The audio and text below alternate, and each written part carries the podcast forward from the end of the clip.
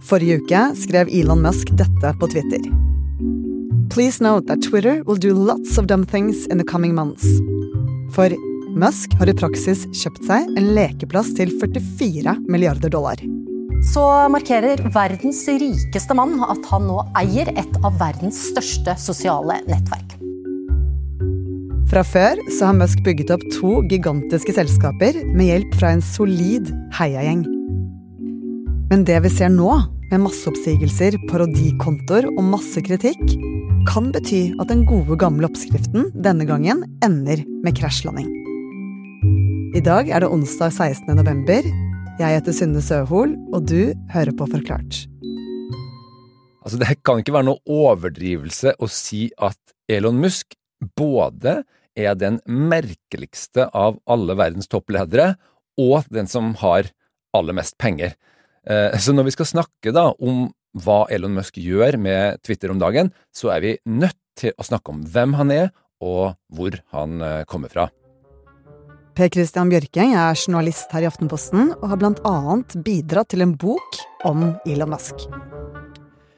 Han er en uh, sørafrikaner opprinnelig, som først starta selskapet PayPal, som vi nå kjenner godt.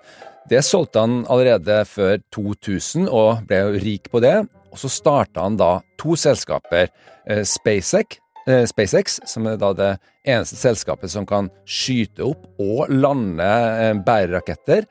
Og så starta han Tesla, som han er aller, aller mest kjent for, med disse pengene. Og begge to var jo to tilsynelatende helt umulige prosjekter. Må huske på at den forrige bilprodusenten eh, som lyktes i USA, eh, eh starta før andre verdenskrig. Og ingen har jo noen gang klart å lage en elektrisk bilfabrikk som eh, kan, kunne være lønnsom. Og i tillegg da, så er det da eh, dette her er SpaceX, som da ikke det, det, fantes rett og slett ingen private romfartsselskaper. Og ikke bare det, men Elon Musk han skulle til Mars, og så starta han dette her. Og det er jo typisk som man tenker på at ok, nå har denne milliardæren, som han da allerede var, eh, blitt gal, ikke sant, og kommer til å sette alt sammen over styr. Så har han da i stedet for blitt verdens aller rikeste mann. Hva slags eh, type er han da? Ja, Det som kjennetegner han, er jo en eh, ekstrem eh, både arbeidskapasitet og gjennomføringskraft. Eh, det må vi gi han, da. Eh, han har jo også en voldsom evne til å revurdere og ombestemme seg eh, når han blir overbevist om at han kanskje er i ferd med å gjøre en feil. Men så er det også noen andre ting. Han, han bryr seg jo lite om hva folk mener om. Han er ikke noe opptatt av prestisje. Han kan gjerne sånn danse keitete på scenen foran tusenvis av mennesker, eller han kan være med på Saturday Night Live. Og Samtidig så kan han være ganske sånn hensynsløs overfor sine egne ansatte. Det ser vi jo hvordan, øh, med hvordan han er på Twitter, f.eks. Han kan gjerne fornærme noen øh, i forsøk på å være øh, morsom. Um, og um, det har vi sett han f.eks. For han fornærma uh, kroppsformen til Bill Gates. Han har blitt saksøkt for å liksom, kalle en hjelpearbeider i Thailand for en pedofil. Og så har han jo selv sagt da, at han har autisme, han har uh, asperger, og han er langt mer teknisk enn en typisk uh, toppleder. Så I tillegg så har han jo da han har solgt alle husene sine, bor i en bitte liten leilighet. han overnatter gjerne hos venner i stedet for å bo på hotell. Han er sammen med stadig nye kvinner. Han har nå ti barn, og han har gått fra å være demokrat til å stemme republikansk. Og han er først og fremst en veldig, veldig offentlig person som er veldig, veldig glad i å være på Twitter. Hva er det med Twitter som har gjort at det har blitt så interessant for eh, Elon Musk? Det skilte seg jo veldig ut tidlig med at um, det var veldig kort. Det var bare 140 tegn.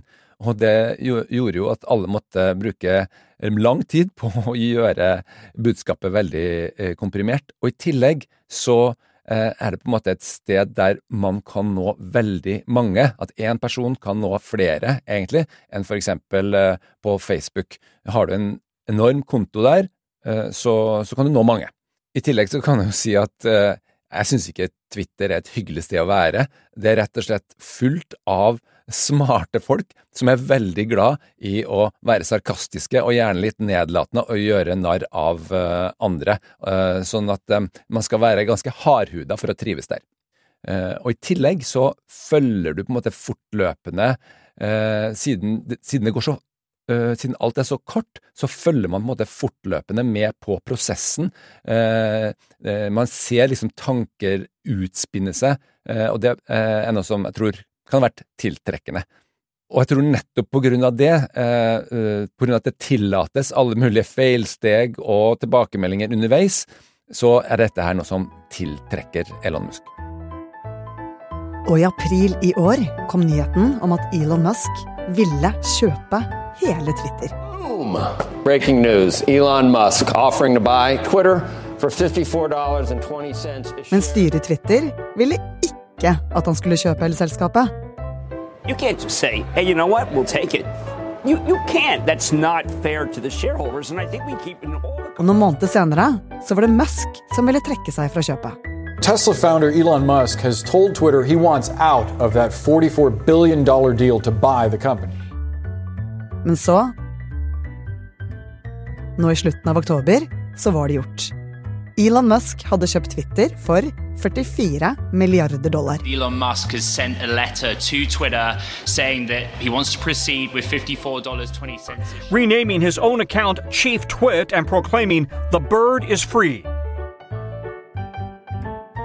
Det skjedde jo fra første øyeblikk svære endringer. Og um, denne eksperimenteringa som man jo hadde forventa, den starta uh, øyeblikkelig. Uh, det begynte jo med at um, alle toppsjefene fikk sparken, uh, og han tok selv rollen som hele styret, og ikke minst, han tok hele selskapet av børsen. Ja, Hva betyr det egentlig? Jo, det at et selskap er på børsen fører jo til eh, en helt annen type drift enn det for eksempel en startup kan ha. Eh, når du er på børsen, så må du hele tida tenke fram til neste kvartal. Du må helst ha vekst og utsikter til Eh, nye inntekter, sånn at det fortløpende øker. Det er et sånt som aksjonærer eh, liker. Du kan ikke f.eks. si nei, vent nå litt, nå prøver vi å tenke helt på nytt der. Vi tar det som i startup-verdenen kalles en pivot, og snu seg helt om å gjøre noe annet, for det vil alltid koste. Så nå som Twitter er tatt av børs, kan Elon Musk i teorien gjøre hva han vil med selskapet.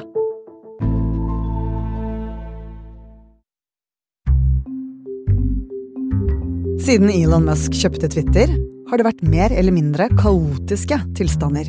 Musk calling himself Twitter's complaint hotline operator, and there are already a lot of gripes. For det første så startet han med å gi halvparten av de ansatte sparken. Elon Musk has defended his decision to sack thousands of staff at Twitter without warning. Hvorfor eh, gjorde han det, Per Christian? Jo, eh, det han selv vil si der, eh, og som jeg må kunne si at det er veldig mange altså Twitter lekker jo som en sil, så det kommer mye informasjon innenfra selskapet. Eh, og der er det ganske tydelig tilbakemelding på at Twitter har vært dårlig styrt. Det har vært overbemanna, ganske byråkratisk. Elon Musk har selv sagt at de hadde et eh, lunsjbudsjett på 130 millioner dollar ved eh, hovedkontoret, så det var nok litt å, å, å gå på. Og nå som Musk hadde sparket flere tusen, kvittet seg med ni styremedlemmer og satt seg selv i sjefsstolen,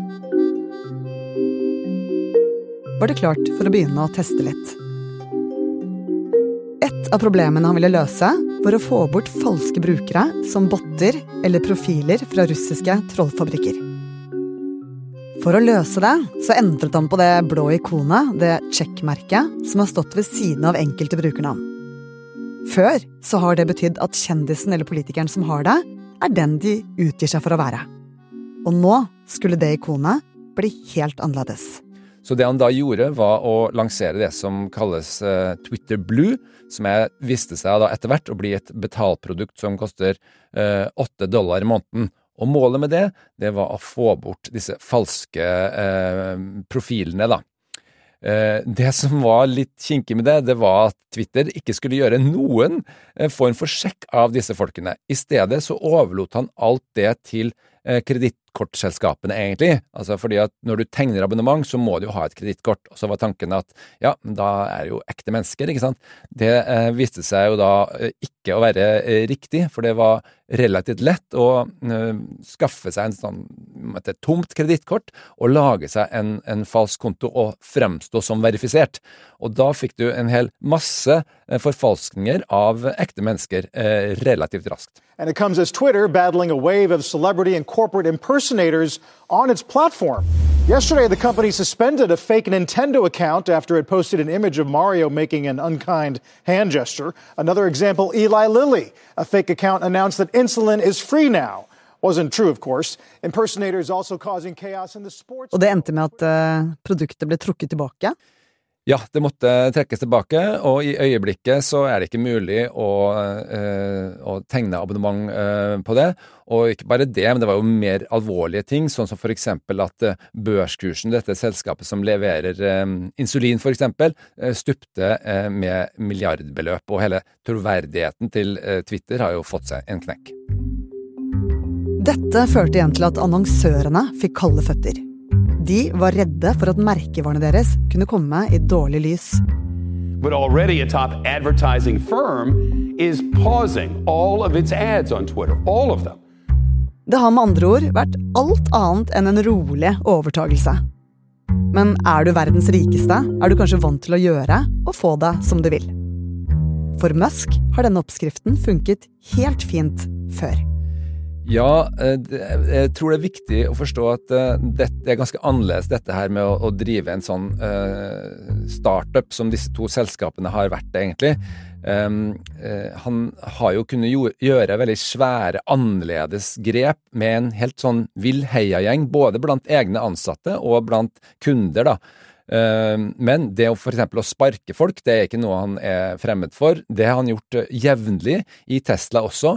Eh, og han har en egen filosofi eh, knytta til dette her, som han nettopp har tvitra selvfølgelig litt om. da, og da, da, sier han at hvis du ser på f.eks. Tesla, da, som driver med bl.a. AI, så har de 150 ingeniører som driver med det. Disse gjør det bedre Eh, mener eh, Musk selv, enn 3000 eh, hos konkurrentene. Og han sier at han har en stor tiltro på at et lite antall helt eksepsjonelle mennesker som er høyt motivert, kan gjøre det bedre enn en stor mengde med ganske gode og moderat motiverte folk. Og det tror det er det du ser her nå. Han prøver å få tak i og finne ut av hvem er de eksepsjonelle innad i Twitter, og så skal de gjøre jobben. Er ikke det greit, da? At han bare gjør det på den måten i Twitter også? Jeg tror faktisk eh, ikke det er helt sånn. fordi at uh, når du skal utvikle uh, AI, da, for eksempel, så er det jo koding som er kjempeviktig, og du trenger egentlig bare kanskje uh, det geniale. Men i Twitter så handler det om mennesker. Det er mennesker som skal modereres, for eksempel, som du må på en måte passe på. Og da må det være, foreløpig i hvert fall, mennesker som kontrollerer det. Og hvis du sier opp halvparten av dem, så får du mindre eh, kapasitet. Og det her tror jeg eh, det blir veldig spennende å eh, se, da, for å si det forsiktig, om, om det er en vinnerstrategi han har lagt seg på. Altså Oppskriften han har brukt på elbil og romraketter, det funker ikke her i Twitter? Det er i hvert fall veldig annerledes, ikke sant. En romrakett, den krasjer jo, eller den kommer opp i rommet, ikke sant. Twitter er et menneskelig kaos fullt av forskjellige og komplekse typer eh, som er kranglete og umulige. Og det er noe helt, helt annet enn den fysikken han har trengt for å eh, drive f.eks. SpaceX og Tesla. Verdens rikeste mann skal nå utfolde seg i verdens dyreste lekegren. Men i likhet med andre tech-selskaper har han et problem. Hele bransjen sliter. Facebook har bl.a. sagt opp 11 000 ansatte. Så generelt så var det jo en voldsom vekst i eh, teknologiaksjer før og, og, under pandemien. Eh, og så, etter at den var over, så har det vist seg at det var en overinvestering. Eh, sånn at eh, de aller fleste teknologiaksjene, inkludert Twitter, har, har jo falt. Men eh, Elon Musk kjøpte det på et tidspunkt da det fortsatt lå veldig høyt i pris, og det har han nok uh, angra seg på. Men hva er det han vil med Twitter, da? Han sier jo at han gjør dette her ikke av økonomiske grunner. Han ønsker både å tilby et samferdig medium, altså en kilde til sannhet, og han ønsker et helt fritt medium der alt som er lov, er lov å si. Og det som det ikke virker som han helt har tatt inn over seg, er jo at i dette her så er det jo en veldig selvmotsigelse. Du skal på en måte både passe på at folk er konstruktive og samferdige, og så skal du tillate å ta høyde for at folk skal få lov til å være drittsekker. Altså, mange har lyst til å være drittsekker på Twitter. Og dette er de sosiale medienes store problem. Ingen andre har klart å løse det. Dette er et forferdelig rotete problem som han nå skal liksom finne ut av. Og det blir veldig spennende å se da, om han kan finne en løsning. Men Elon Musk har jo fått til umulige ting før. Eh, kan ikke han være personen som faktisk får til dette her med Twitter, da? Altså, ingen må jo øh, avvise denne mannen her. Det er ikke klokt. Eh, samtidig, så når du får til ting etter ting etter ting, så kan du bli overmodig. Og det er det en reell fare for at han har blitt her. Eh, han driver jo faktisk to andre ekstremt verdifulle og mye større selskaper enn Twitter. Og spørsmålet er om han har tid til å gjøre det her. Og hvis han skal løse et av verdens eh, vanskeligste problemer, så er det ikke sikkert at selv Elon Musk kan gjøre det på deltid.